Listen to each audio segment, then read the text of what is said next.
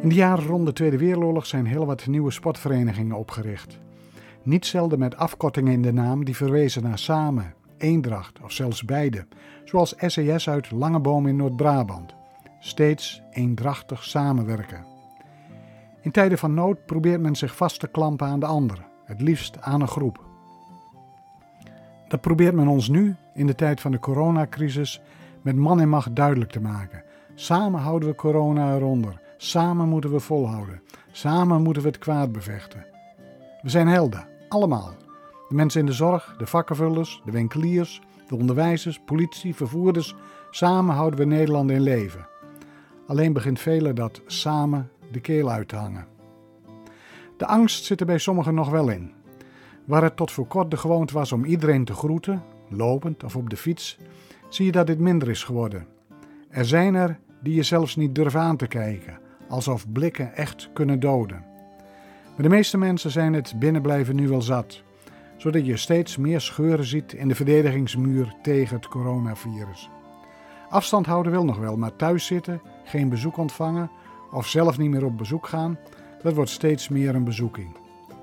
Iedereen snakt naar normale tijden, back to normal. Naar familie, vrienden, voetbal, uit eten, de kapper, maar dat zit er voorlopig niet in. Je kunt het wel zoveel mogelijk proberen, met allerlei aanpassingen. Zoals de gemeenteraad van Hardenberg deed door digitaal te vergaderen. De eerste keer met hindernissen, maar in de herkansing liep het al veel beter. Nog niet naar ieders wens trouwens, want de mensen in Sipculo die wachten nog op vervolgstappen na hun smeekbeden om woningen voor jonge gezinnen. Een vreemd en langdurig verhaal is het. Eerst wilde de gemeente bouwen aan de gemeentewerg, maar riep een groep inwoners om woningen op het vroegere kloosterterrein. En nu besloten is te bouwen op het kloosterterrein, klinkt de roep om kavels gereed te maken aan de gemeenteweg. Maar hoe nu verder? Laat de gemeente nog iets van zich horen? Waarover het ook stil blijft is de viering van 75 jaar bevrijding. Misschien wel logisch, want er heeft nog niks over in de kranten gestaan en dus zijn de politieke partijen ook nog niet op het idee gebracht daarover vragen te stellen aan BMW. Maar een deze dagen wordt het wel duidelijk dat buurgemeente Den Twenterand heeft besloten de viering 75 jaar vrijheid Twenterand te verschuiven naar de periode april-mei 2021. En dat niet alleen, het gebeurt met het behoud van de toegezegde financiële bijdrage. Er is veel werk verzet om van die viering iets bijzonders te maken. En het zou zonde zijn dat alles voor niks was. Maar wat gaat Hardenberg doen? Wordt het voorbeeld van Twenterand gevolgd?